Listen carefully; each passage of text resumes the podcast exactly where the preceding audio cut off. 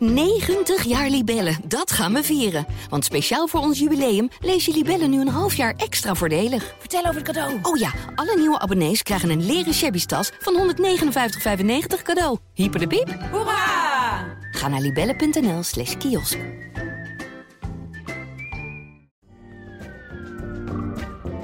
Welkom bij Wijsneuzen de Verkiezingen, de wekelijkse podcast van Trouw voor alle kiezers die ook wel eens tegen een politicus op televisie zouden willen zeggen: Ik stop u even.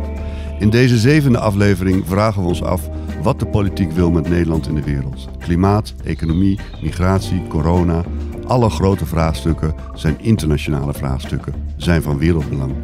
We zoeken naar de ideeën over de positie van Nederland, traditioneel land van dominee en koopman. Meer of minder Europa, afscheid van Amerika, is China alleen maar eng en Poetin dan?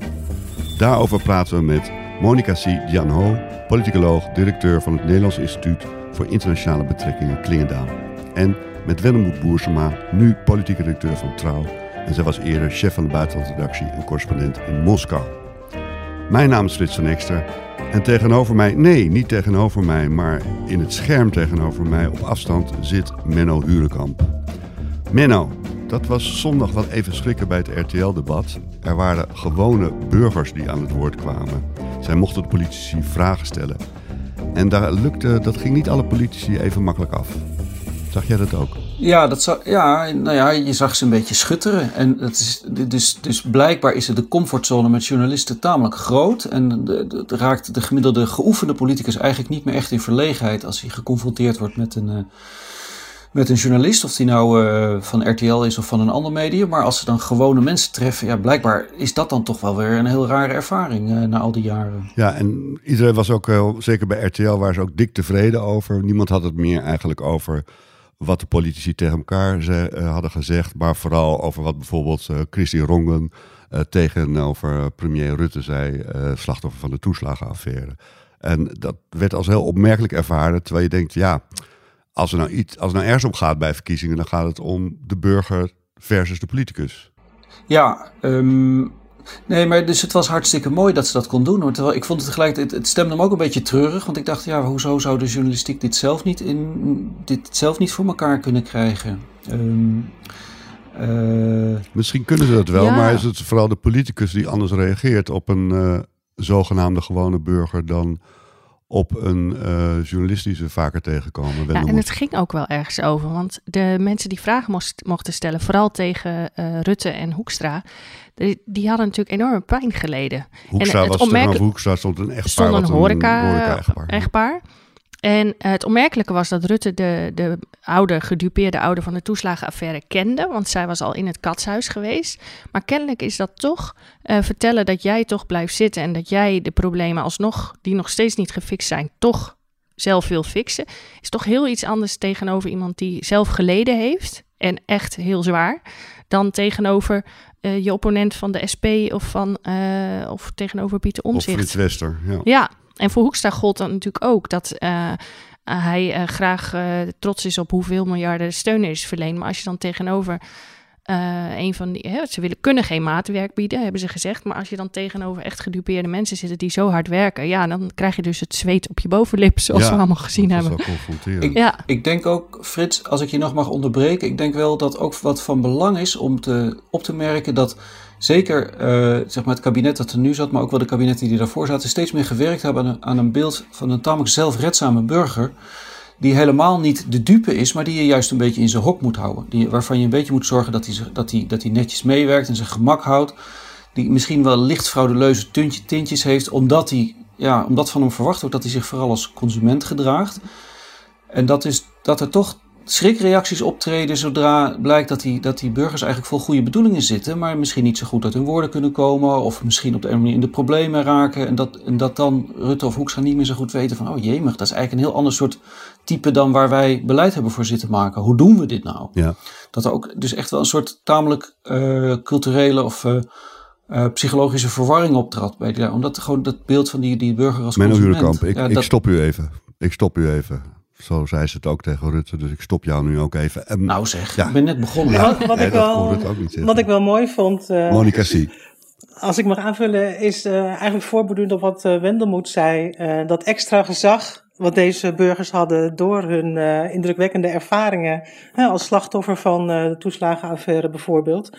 Uh, ze was ook heel goed voorbereid. Hè, dus ze viel Rutte eigenlijk in, in haar tweede offensief aan met dat hij haar, haar rechtsbijstand uit handen heeft genomen. Ja, dus niet alleen is zij gedupeerd ook uh, ja, het vermogen om zich te verdedigen daartegen heeft hij haar ontnomen.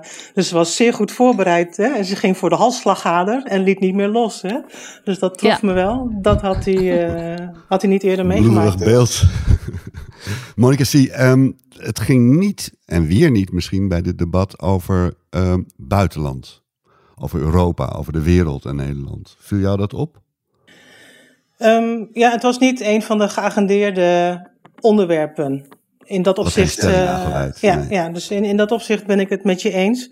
Daarentegen uh, was een aantal van de vuurwerkmomenten ging, ging wel over sta je voor de Nederlander hè, of uh, exporteer je ons geld naar het buitenland. Hè, dus een van de meest frontale aanvallen van de nummer twee in de peilingen Wilders tegen Wilders, de nummer één in de peilingen Rutte ging over dat Rutte voor enkele tientallen miljarden uh, de Italiaanse gezondheidszorg subsidieert. Hè, terwijl onze eigen IC's uh, uh, ja, de capaciteit ontbreekt en er geen cent bij kan voor onze eigen verpleegkundigen. Dus dat ging wel degelijk over internationale kwesties en over internationale verdeling. Ja, maar dan zonder uh, het, het, rechtstreeks in verband te brengen met bijvoorbeeld uh, hoe Europa functioneert en of we dat uh, dingen aan zouden moeten veranderen, meer Europa of minder Europa bijvoorbeeld. Nou, wat betreft is dat de premier er het zwijgen dan toe doet. dus het is blijkbaar verstandig om dan niet een verhaal op te hangen van ja, het is, het is verstandig om um, de Europese solidariteit overeind te houden, opdat we later geopolitiek uh, uh, of economisch nog iets met Europa kunnen. Dus hij uh, kiest ervoor om, er, om het zo snel mogelijk weg te laten lopen, dit onderwerp. Want hij heeft blijkbaar de afweging gemaakt dat hij in deze verkiezingsstrijd daar niks bij te winnen heeft. Um, maar daar, dat, dat geeft Wilders dan uh, Fabank, die kan helemaal uh, all-out gaan op het ja, anti-Europa verhaal, want dat kost ons alleen maar geld. De verdediging waarom je dat zou doen, blijft helemaal uh, achterwege. Wennemoed, Rutte, sorry, uh, heel één tussenvraag. Wennemoed, uh, Rutte heeft het liever niet over Europa. Terwijl we de onderwerpen wel degelijk met Europa te maken hebben. Ja, klopt. Uh, Rutte heeft, als je zijn tien jaar premierschap uh, bekijkt, uh, ook een heel interessante ontwikkeling doorgemaakt. Hij ehm, had, vond eigenlijk weinig van Europa toen hij begon. En hij is zich in de loop der jaren uh, besefte hij dat, dat je niet zonder Europa kan. En een keerpunt was voor hem eigenlijk het jaar 2016, de migratiecrisis. Um, ook het klimaat wel. En hij werd voorzichtig eurofiel. Hè? Dat uitte zich ook in een paar belangrijke toespraken op het Europese toneel. En, het, en hij kreeg ook statuur daardoor. Hij werd genoemd voor topfuncties. Uh, maar het afgelopen jaar zie je dus door corona een soort tegenstelling dat de bedreigingen uit de buitenwereld voor heel veel mensen voelen heel groot. Niet alleen China, maar ook het coronavirus zelf, klimaat. Uh, dus ik denk dat Rutte ook heel goed door heeft Europa uh, meer dan ooit nodig is. Hij heeft afgelopen september bijvoorbeeld in een belangrijk debat over de Europese herstelfondsen gezegd: we kunnen het niet in ons eentje. Maar het oude discours van meer of minder Europa, zoals dat rond de uh, uitbreiding speelde, of meer of minder geld naar Europa, daar wil hij van wegblijven. Want hij voelt dat hij dat niet kan winnen. Want er zitten natuurlijk op de rechterflank nog steeds een paar Nexit-partijen.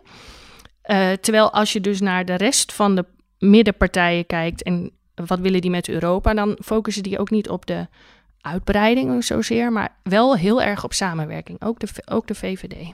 Maar Frits, als ik mag aanvullen, en maar dat zou dan een vraag zijn naar Monica, je zou ook kunnen zeggen dat Rutte staat voor een generatie die anders dan, laten we zeggen, Lubbers en Kok, die niet meer zo sterk de, zeg maar, het Europa verweeft met, uh, met de nabije geschiedenis. Hè? Dus die, die, die op de een of andere manier de directe connectie met 1940, eh, 45, Hiroshima, Auschwitz, maar ook alles wat er, dus de, met de Koude Oorlog, dat type associaties is eigenlijk een beetje losgeweekt voor, voor de generatie bestuurders van Rutte.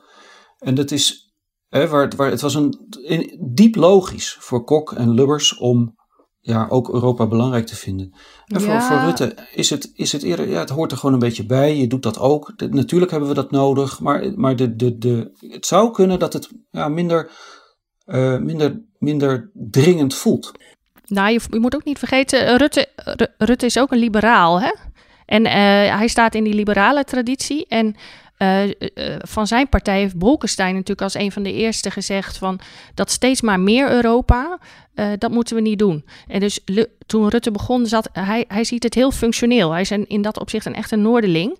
Europa was een kassa en je moet streng zijn. En dat is eigenlijk meer de traditie waar hij in staat. En hij is juist iets meer opgeschoven naar, wacht even, als we alleen maar kassa doen, dan verliezen we ook een beetje de waarde en de solidariteit. Volgens mij, volgens mij is het punt wat, uh, wat Wendemoed eerder maakte cruciaal. Uh, de, de, de, tegenstelling is niet langer uh, alleen maar eurofiel of, of nationalistisch. Er ontstaat ook een politieke smaak en die luidt Europa is functioneel. Zonder Europa red je het niet. En dat uh, narratief leek uh, Rutte uh, vast te gaan pakken, hè, zoals Wendelmoed zegt, rond de Turkije-deal.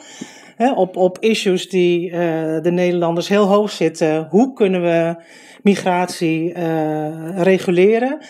Daar heb je Europa bij nodig. Nederland was voorzitter in 2016, was mede uh, maker van die Turkije-deal. En, en daar ontleende hij trots aan. Daarmee hebben we die grote irreguliere stroom uh, tot stand gebracht.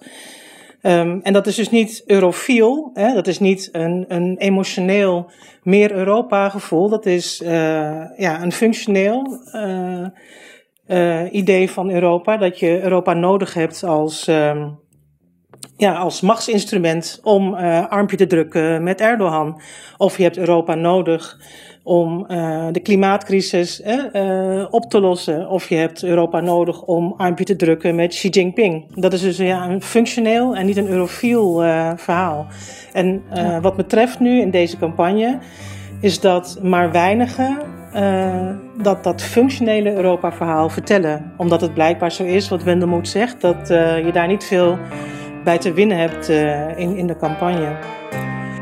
Maar dat was toch eigenlijk de winnende strategie van Rutte al een aantal campagnes lang. Om op de een of andere manier aan het thuisfront te suggereren dat Europa niet zo belangrijk is. Ook een beetje badinerend te noemen bij vlagen over uh, Europese verkiezingen. Daar heeft hij wel eens tamelijk lullige dingen over gezegd.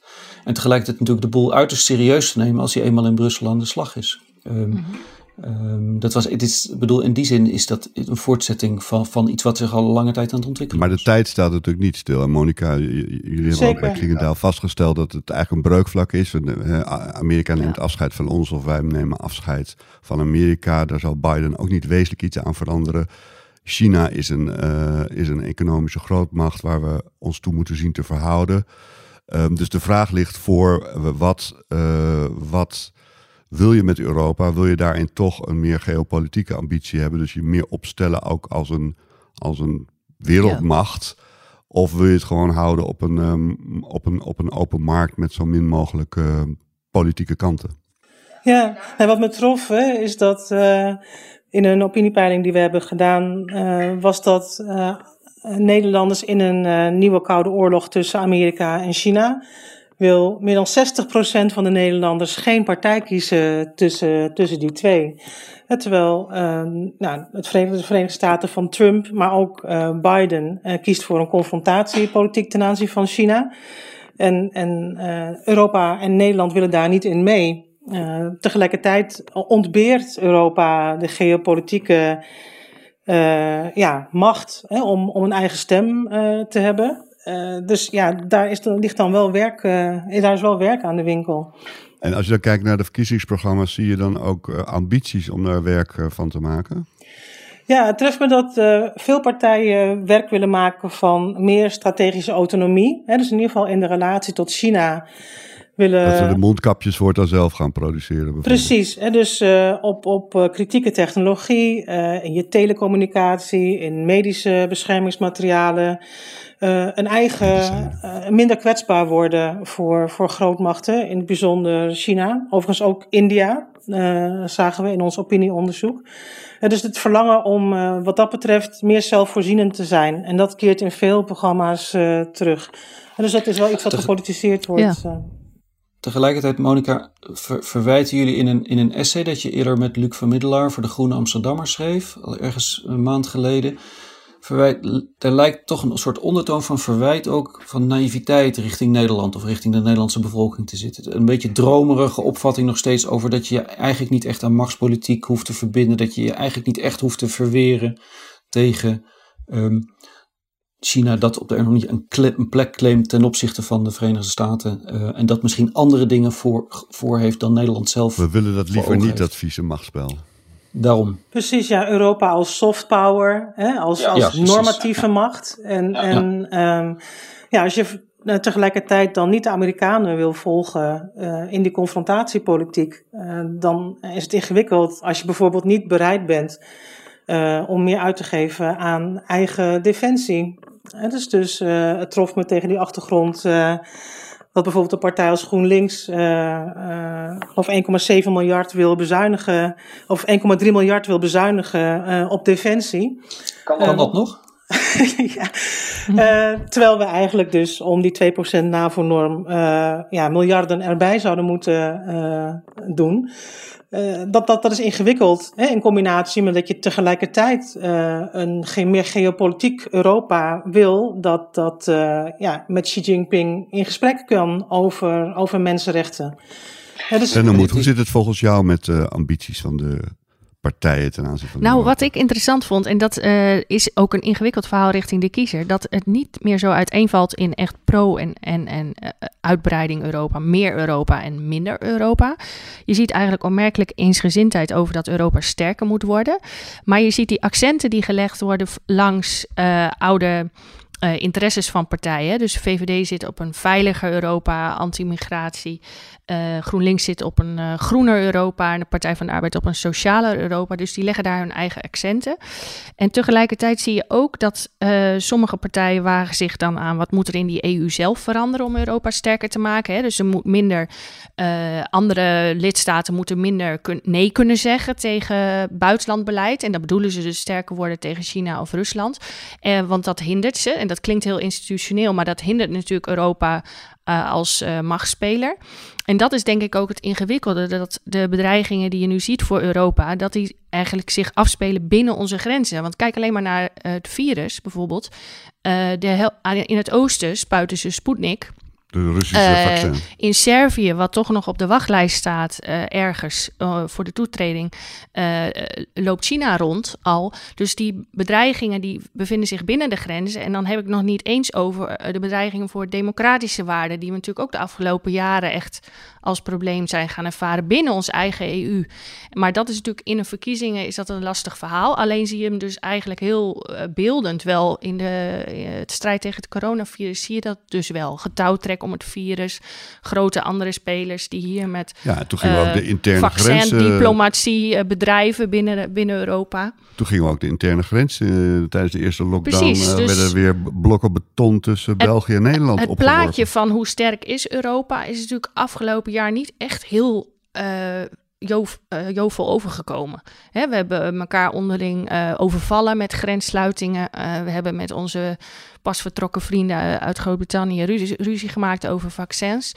Um, landen volgen hun eigen medicijnagentschap en niet het Europese in de toelating van het Russische vaccin. Dus ja, dat maakt het wel extra ingewikkeld. Maar dat is natuurlijk met Europa misschien altijd zo geweest. Het is altijd een waanzinnig ingewikkeld experiment met uh, dat één, klopt. één stapje vooruit, één Maar dat die bedreigingen van de, van, de, van de grote buitenwereld, om het maar zo even te noemen, zozeer zich afspelen binnen het inmiddels uitgebreide grondgebied van Europa, vind ik een nieuwe trend. Monica, vind je dat ook een nieuwe trend?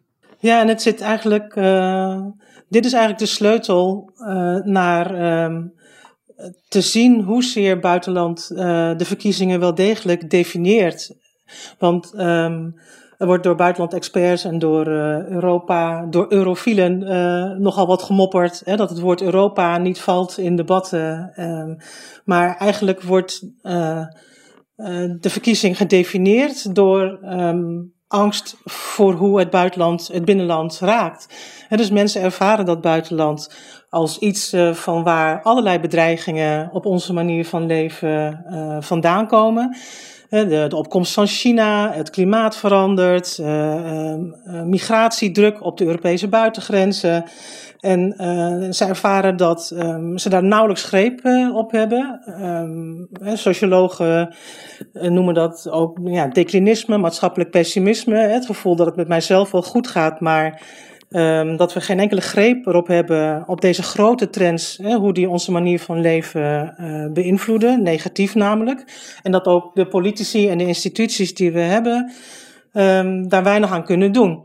En, en de reflex ja. daarop is eigenlijk uh, grijpen naar nationalisme. En als je goed kijkt naar welke partijen uh, het goed doen in westelijke landen de afgelopen jaren, dan is dat niet langer hè, links versus rechts die de dienst uitmaakt. Hè. Een paar verkiezingen geleden was het nog uh, Samson tegen Rutte.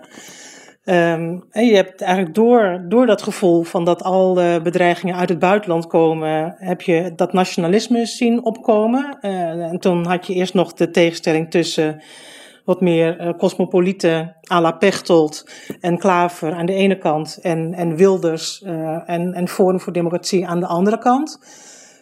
En wat je nu ziet is dat dat gevoel van we moeten Nederland hè, eh, als bastion aangrijpen om nog greep op het leven te houden, is zo alomtegenwoordig dat de politieke strijd uh, alleen nog maar plaatsvindt tussen twee smaken nationalisten, namelijk uh, de, de, de nationalisten van, van Rutte, Macron en Biden. Hè, dat is een wat meer inclusieve smaak nationalisten.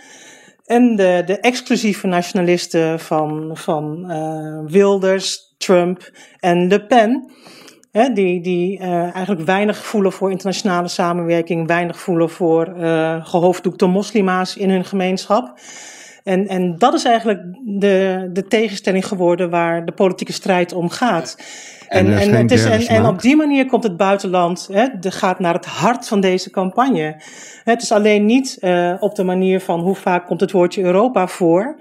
Uh, uh, maar het buitenland, de angst daarvan en de behoefte om weer greep daarop te krijgen, die, die maakt dat het eigenlijk nog maar verschillende smaken van nationalisme zijn die nu de verkiezing bedoelt, definiëren. Monica, je bedoelt, je bedoelt dus eigenlijk, hè, dus die, die twee varianten van nationalisme, die zijn goed voor misschien wel 120 zetels in de peilingen nu. En dan zijn er nog iets van 30 zetels. En die kunnen de, dus zeg maar wat er dan over is, aan cosmopolieten onder elkaar verdelen. Ja, dat dus verklaart dus, dus ook waarom, waarom uh, een zeer getalenteerde politica als, als Sigrid Kaag. Uh, die komt niet uit de verf hier. Nou, die, die, die, die, die, heeft echt moeite om tractie te vinden in, in, uh, in het debat, omdat zij minder de taal van de gemeenschap spreekt. Hè?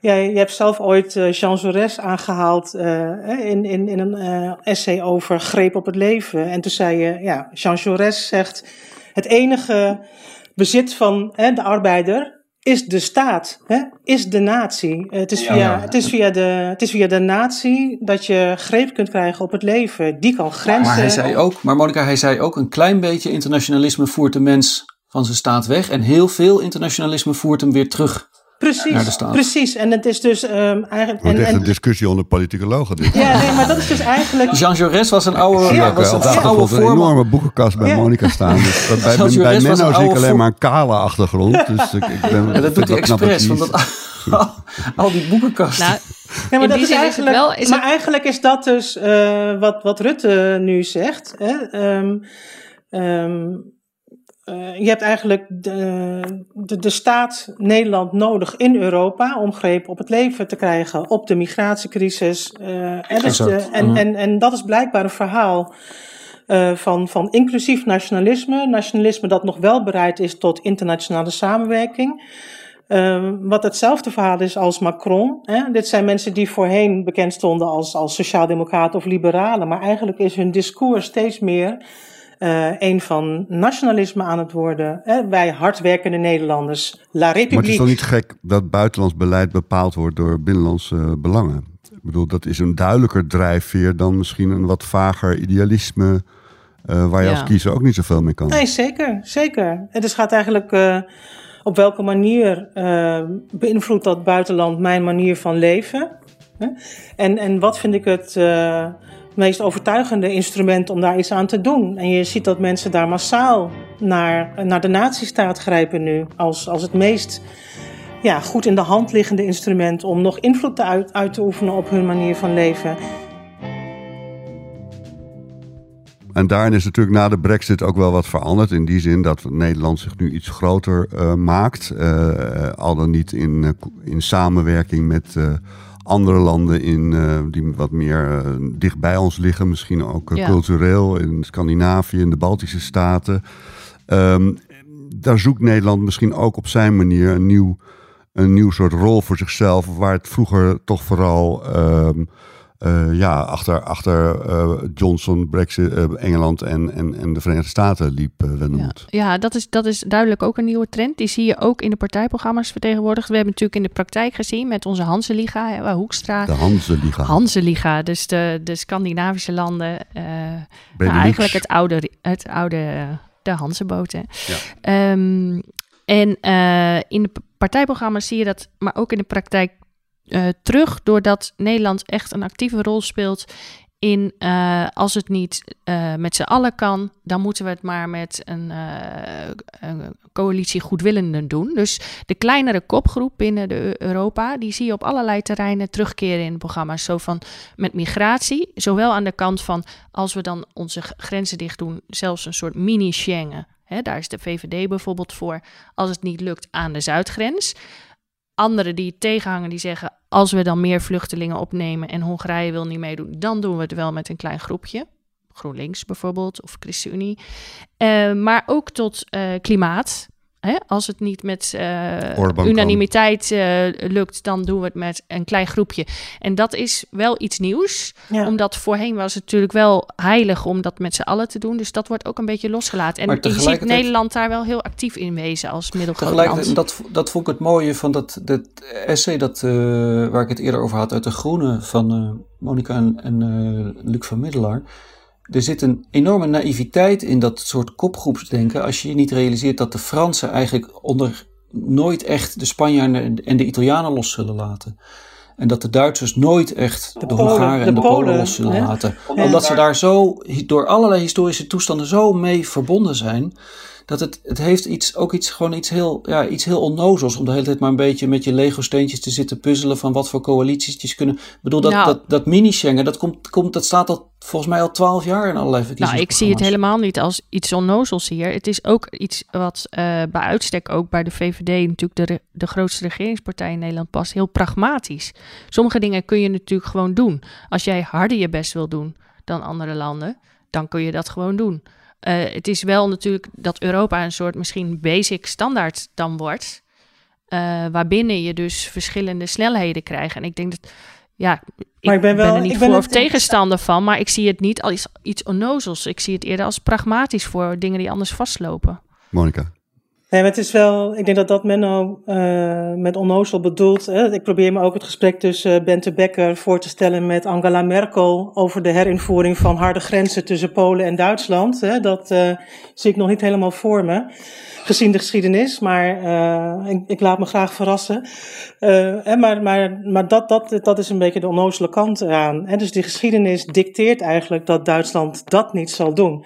Dus ik ben het helemaal eens met Wendelmoed dat in die meer gedifferentieerde integratie een weg voorwaarts ligt om veel functioneler dan we gewend zijn in Europees verband hè, dingen te regelen die we als, als enkele, enkele lidstaat niet voor elkaar krijgen. Maar we moeten dan niet naïef zijn in um, wat Duitsland zal willen in termen van lidstaten buiten de boot laten vallen. Of wat Frankrijk zal willen om lidstaten buiten de boot te laten vallen.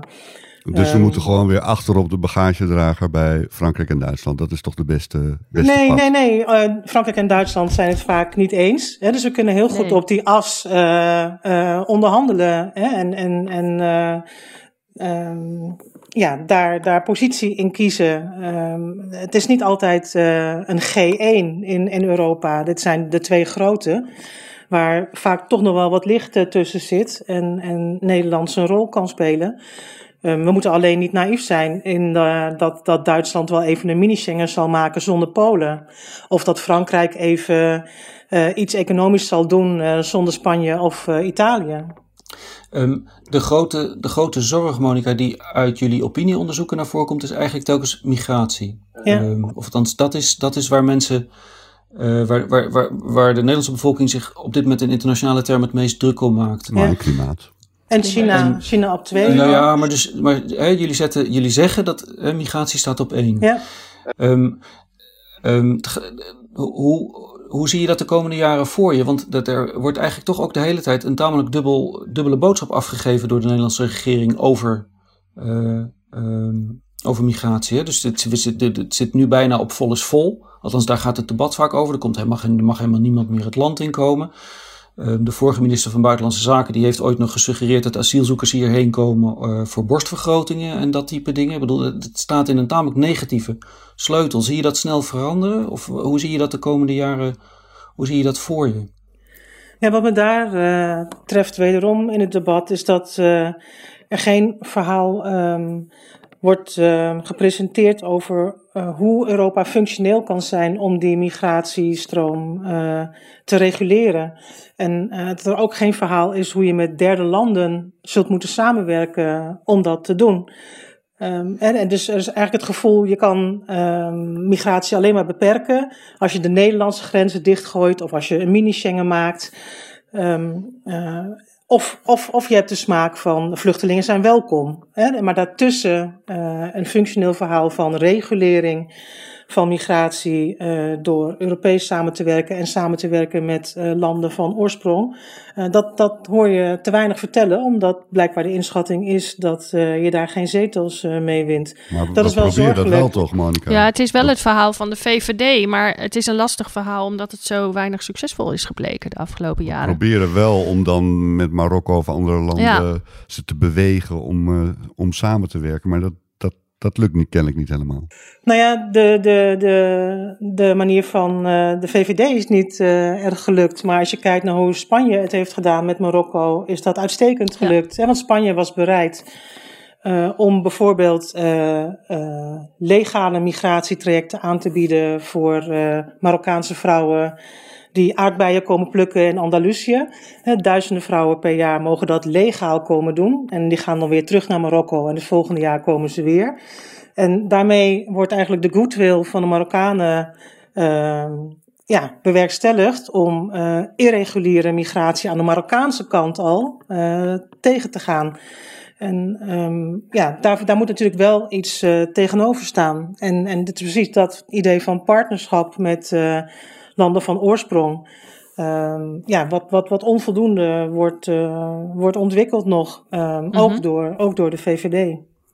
Dus je mist ja. eigenlijk een, een slimme strategie om dit soort migratieproblemen uh, zeg maar, uit te onderhandelen met uh, landen van herkomst? Ja, vooral omdat uh, um, ik vrees hè, dat de economische naschokken van de coronacrisis uh, zullen betekenen dat er een nieuwe irreguliere migratiecrisis aankomt. de, de financiële crisis van 2008 heeft geleid tot de enorme werkloosheid in de Noord-Afrikaanse landen. En die de aanleiding was voor de Arabische lente die in Tunesië begon hè, in 2011. Um, als je realiseert dat de economische naschokken van de coronacrisis erger zijn dan die van de bankencrisis uit 2008, dan moeten we het ergste vrezen hè, over uh, het totaal gebrek aan perspectief voor uh, een nieuwe generatie Noord-Afrikanen. Terwijl ja, de Europese uh, ja, toekomst longt. En, en je ziet al, uh, je zag al afgelopen zomer al dat veel Tunesiërs ook uit de middenklasse probeerden om uh, de Italiaanse kust te bereiken. Uh, nou, we zullen alleen uh, daar een antwoord op kunnen formuleren samen met die landen van oorsprong. Want ook zij willen liever die irreguliere stroom niet. Alleen moeten hun dan wel iets bieden in de vorm van uh, legale migratie, daar waar het voor onze arbeidsmarkten ook gunstig is. Hm? Voor Europa geldt dat die, die samenwerking wel op papier door de partijen na wordt gestreefd. Maar wat migratie, hè, want daar hebben we ook in een eerdere uitzending over gehad, daar wordt heel erg voor teruggeschrokken. Dat klopt wat uh, Monica zegt. Dat die koppeling met uh, legaal hier werken, seizoenswerk, die wordt eigenlijk bijna niet gelegd. Er wordt veel eerder gesproken over quota en dat moeten we niet willen. En, of het gaat alleen maar over. Uh, maar wat gaat daar dan mis? Ik bedoel, Nederland is toch bij uitstek een land wat daar enigszins bedreven in zou moeten kunnen zijn, gelet op zijn traditie en geschiedenis. Wat, waar schort het, is, dan nu op dit Het is gewoon extreem. Het is dusdanig gepolitiseerd geraakt in het, in het publieke debat dat je, dat je, het is, het is een enorm mijnenveld geworden waarin iedereen die als je te berde brengt dat uh, kennismigratie eigenlijk ook wel best wel prettig kan zijn voor, voor, voor de academische wereld of uh, voor, de, zeg maar voor de hogere technologie, voor de, voor de mensen die slimme apparaatjes maken, ja, dan word je eigenlijk weggelachen. Of dan ben je dus, dan ben je dus zo zeg maar die, de, de cosmopoliet die weinig tractie krijgt. Dan, ben je, dan wordt de, de, de Sigrid Kaag-achtige figuren, die, die worden daar snel mee, je wordt daar snel mee weggezet. Je, komt, je krijgt dat niet meer goed voor het voetlicht. Dat dat ook productief dat, dat migratie ook productief kan probleem? zijn. Die, die angst en, en afkeer van China um, zo alomtegenwoordig uh, uh, wordt uh, in, in de publieke opinie en, en onder politici. Uh, dat, terwijl we tegelijkertijd uh, economisch uh, heel veel baat hebben nog steeds hè, bij handel met China. En um, mm. ook universiteiten helemaal niet om China heen kunnen. Ja, dus, dus de vraag eigenlijk veel meer is: hoe gaan we om met China in de komende tijd? Um, om op een bepaalde manier hè, een internationale relatie te hebben, op een bepaalde manier handel te drijven en investeringen te verwelkomen. Um, dat is eigenlijk de grote vraag. En, en niet uh, gaan we China boycotten of gaan we ontkoppelen van China. Um, uh, en uh, dus da daar ontstaat eigenlijk een, daar ontstaan eigenlijk twee bubbels. Hè. Aan de ene kant één bubbel waar het alleen maar gaat over de genocide op de Oeigoeren, boycotten, ontkoppelen. En een andere bubbel waarin allemaal Nederlandse bedrijven zitten, waarin de invoer uit China staat in de top 3. Uh, voor de Nederlandse uitvoer staat China in de top 10. en waar China helemaal niet weg te denken is. En dat is een beetje vergelijkbaar met de Brexit, waarin eigenlijk economisch de, de relatie ontzettend belangrijk was tussen het VK en, en de Europese Unie. Uh, en ook die internationale samenwerking voor politie en, en bestrijding van illegale migratie bijvoorbeeld ontzettend belangrijk was. En toch een, een politiek ontstond en een publieke opinie ontstond van we kunnen daar wel zonder. Maar Monika, even nog ter verheldering. Driekwart van de Nederlandse import en export is voor de Europese Unie. Hè? Dus, dus Duitsland en België zijn cruciaal voor onze economie. En Frankrijk en Engeland dan erbij. Dan, en dan zit je echt wel over twee derde. En dan heb je nog wat plukjes uh, Italië en Spanje en zo. En dan zit je ongeveer op 70%. En wat er dan overblijft, daar ergens hoort China bij. Dus China is wel belangrijk, maar China is absoluut niet cruciaal. Hè? Dus daar, daar, vindt ook wel een, er is ook een gek soort gesprek plaats. Vindt een gek soort gesprek plaats van ja, we kunnen er niet zonder. Maar we moeten er wel heel voorzichtig mee omspringen. Maar China, is, maar China is, um, is booming. Als je kijkt naar de ontwikkeling, ik ben het met je mhm. eens hoor. Dan is die exponentieel sinds China uh, toetrad tot de WTO. Dus eigenlijk in de 20e eeuw, helemaal met je eens, uh, was China niet zo belangrijk voor onze uh, economische betrekkingen. Maar sinds zij lid zijn geworden eigenlijk van ja, de geglobaliseerde wereld, hè, volop zijn gaan meedraaien daarin, groeit dat belang exponentieel. En als je kijkt bijvoorbeeld naar de Nederlandse pensioenfondsen, die kunnen eigenlijk niet meer om die Chinese markt heen om hun rendementen te maken. En dus wordt het heel relevant, hoe kun je op de een of andere manier die betrekkingen met China aangaan, um, uh, maar tegen onze voorwaarden en niet alleen maar tegen de Chinese voorwaarden. Maar je kan eigenlijk niet om die Chinezen heen. China is inmiddels de grootste handelspartner van de Europese Unie. Ehm, hoe zou je, hoe zou je de, eh, waarschijnlijk heb je wel een punt hoor, maar hoe zou je verklaren dat zo snel eigenlijk, uh, Nederland was eerst ook daar een beetje naïef, weinig waakzaam ten opzichte van China en opeens eigenlijk in het afgelopen jaar blijkt uit jullie opinieonderzoeken, is eigenlijk een beetje, is, is, dat, is dat gekanteld? Ehm, en, en, en is iedereen opeens enorm argwanend en bezorgd? En is dat allemaal door een paar incidenten uit de media die groot geworden zijn? Of wat is, wat is daar gebeurd? Ja, je zag eerst dat ehm, ehm, ongeveer een derde. Uh, er was al wel een zekere uh, sceptisch ten aanzien van China. Maar wat heel opvallend is, is dat uh, de achterbannen van de PVV en Forum voor Democratie. die eerder China niet zozeer als bedreiging zagen. plots tot degene zijn gaan behoren die het meeste beducht zijn voor, voor China. Daar is echt een omslag binnen een jaar. En hoe duid je dat? Hoe, wat, wat is daar gebeurd? Nou, we hebben daar nog geen onderzoek naar gedaan. We hebben eigenlijk net vastgesteld dat het is gebeurd. Hè? Maar mm -hmm. je zou wel wat. Uh, verklaringen. het eerste. Dan. Ja, ja, ja, ja, je zou wel wat verklaringen kunnen bedenken, natuurlijk. Namelijk wat je zelf zegt. Uh, China is heel negatief in het nieuws geweest, een jaar lang. Uh, door corona, door ja, zorg over Chinese technologie en onze uh, telecominfrastructuur. Het idee dat uh, China meekijkt door de ogen van je speelgoedpoppen hè, in de kinderkamer. um, uh, en dus China was voortdurend in het nieuws. En als ze in het nieuws waren, waren ze negatief in het nieuws.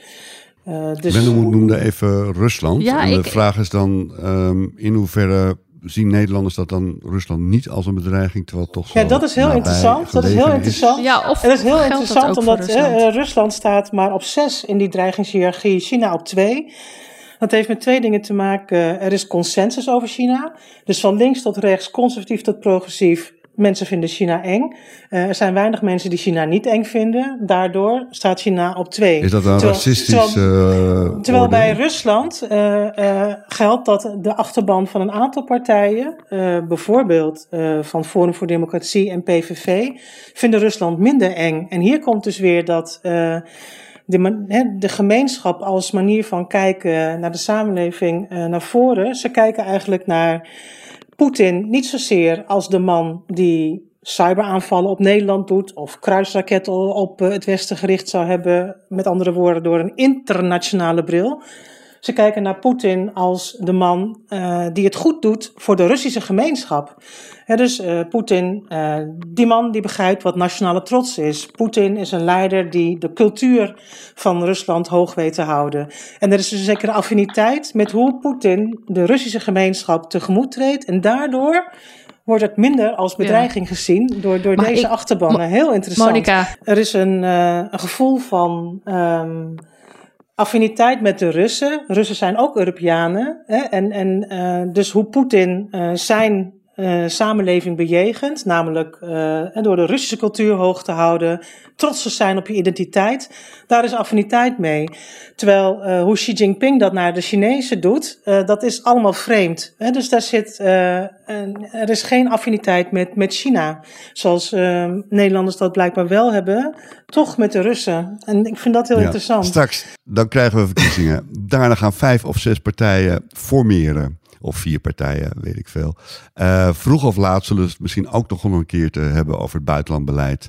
Over uh, Europa, over de wereld, over China, over Rusland. Wat hoop je dan dat er als resultaat uitkomt, als eerste resultaat of als belangrijkste resultaat, Monica? Ik verwacht dat ze het uh, heel snel over migratie zullen hebben. En dus die, dat hele denken uh, in buitenland versus binnenland. Um, migratie laat zien dat dat eigenlijk niet meer werkt. Uh, buitenland ja. is binnenland. En uh, het is juist die, die buitenland is het binnenland geworden onderwerpen die op nummer 1 staan in, in de zorgenlijstjes van mensen. En migratie is de vorige keer een breekpunt geweest in de formatie. Dus ja. het is uh, Klavers wens geweest om 5000 vluchtelingen direct uit vluchtelingenkampen rondom Europa in Nederland te hervestigen. Die door Zijlstra destijds politieke zelfmoord werd genoemd. Hè, en waarop uh, die formatiepoging is geklapt. Dus ik verwacht eigenlijk dat uh, het buitenland is binnenland onderwerp migratie heel snel op tafel zal kopen en komen. En ik hoop dan dus dat er op een functionele manier met uh, Europa en met internationale samenwerking omgegaan zal worden, zoals we het eerder bespraken uh, in het afgelopen ja. uur. Namelijk dat je ziet dat je Europa nodig hebt hè, om met uh, landen van oorsprong te onderhandelen over regulering van migratie. Um, en, en, en, want dat zal nodig zijn in de komende jaren om, om een volgende migratiecrisis te voorkomen. Ja, Wendelmoed, heb jij ook zo'n hoop of verwachting ten aanzien van de formatie? En nou, ik denk dat deze sowieso op tafel komt, die Monica net schetst. En uh, dat zou een wens zijn natuurlijk dat die koppeling wordt gelegd. Dat je ook uh, nuchter kijkt naar wat voor arbeidskrachten hebben we hier nodig. En kunnen we daarmee de druk verlichten op het systeem wat voor echte vluchtelingen is bedoeld. De, ik denk dat dat zeker komt en dat wordt ook lastig. Want dat wordt aan de ene kant gezien als dat moeten we in Brussel regelen. Het zorgt hier voor spanningen. Aan de andere kant denk ik dat er ook heel weinig nog echt rationeel is nagedacht over die koppeling met hoeveel arbeidskrachten hebben we eigenlijk de komende niet eens komende jaar, maar de komende tien jaar nodig. Ja. Uh, dat heb ik gewoon niet teruggezien in die partijprogramma's. Nee. Menno, heb jij nog een specifieke wens, verwachting, hoop? Bijvoorbeeld dat er weer een echte minister van Buitenlandse Zaken komt en een ministerie van Buitenlandse Zaken? nou, die Want dat is volgens jou volgens mij uh, enigszins uh, gesloopt. Nou, dat is, dat nee, Rutte heeft dat allemaal effectief naar zich uh, toegetrokken, maar die, die ministers die, die redden zichzelf wel. Het lijkt mij wel mooi om een beetje zo in het verlengde van, van waar we het over hebben, van die Nederlanders die zo naar binnen gekeerd raken. Dat er zal ongetwijfeld ook weer gesproken worden over de noodzaak om uh, in ieder geval de jeugd, maar misschien ook de volwassenen beter te onderwijzen in burgerschap. En ik denk dat dat een belangrijk onderwerp is. Maar dat, wat zou het nou mooi zijn als die regering zich ook ten doel stelde om bij dat verhaal over burgerschap ook wat wereldburgerschap te leren. Dat mensen een klein beetje, dat Nederlanders weer een klein beetje opgevoed worden in, in, met het idee dat, het, dat de wereld net wat groter is dan, dan, dan de eigen landsgrenzen. En dat ze daar wat, weer wat gevoel voor terugkrijgen. Ja, dat, mooi, dat lijkt mij het nou helpt natuurlijk ook, het helpt natuurlijk mooie, ook als we... Mooie paasboodschap. Uh, ja, win, ja, ja. zeker een mooie paas. En het helpt natuurlijk ook als we straks weer naar Frankrijk of Hongarije ja. of Italië op vakantie mogen. Dat nu krijgt ons internationale... Maar ik ben er wel bloedserieus in hoor. Want ik, ik, wil, ik eindig het tamelijk. Ik denk wel dat het serieus is om... Zo goed dat je dat erbij zegt. Ja, nee, maar gegeven de, de naïviteit en gegeven de wat brommige naar binnengekeerdheid uh, die Nederlanders ook aan de dag leggen, dat het prettig is als, er, als daar ook weer gewoon wat, wat, wat een klein beetje gezond cosmopolitisme in de meute gepompt wordt. Klein beetje gezond cosmopolitisme. Dat lijkt me een mooi moment om af te sluiten. Dank Monica Sidiano, dank Wendemoed Boersema, dank luisteraars. Dit was de zevende aflevering van Wijsneuzen de Verkiezingen. U kunt deze week meer lezen over de politiek en de wereld in Trouw, de krant die over alle grenzen gaat. Volgende week gaan we het over de verkiezingscampagne zelf hebben. Ja, we zijn heel inhoudelijk in deze podcast: klimaat, ongelijkheid, zorg, migratie. Maar we zijn ook mensen en we vinden het dus ook leuk om het over de poppetjes te hebben. Dus welke lijsttrekkers weten ondanks corona de kiezers het beste bereiken? Onze gast is dan Julia Wouters, politiek adviseur en publiciste, en Bart Zuidervaart, chef van de politieke redactie van Trouw. Reacties zijn meer dan welkom. U kunt ons mailen via wijsneuzen.trouw.nl. Wijsneuzen wordt gemaakt door Menno Huurkamp en Frits van Ekster. Techniek Daan Hofstee, coördinatie Trouw Joris Belgers, muziek Jack van Ekster. En alle afleveringen van Wijsneuzen zijn te vinden op de website van Trouw en de bekende podcastadressen Hoort zegt het voort.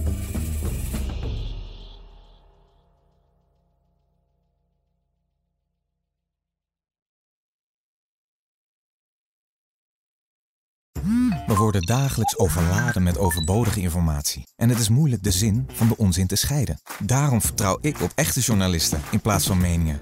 Een krantenmens heeft het gemakkelijk. Word ook een krantenmens en lees je favoriete krant nu tot al zes weken gratis. Ga snel naar krant.nl. Bezorging stopt automatisch en op deze actie zijn actievoorwaarden van toepassing.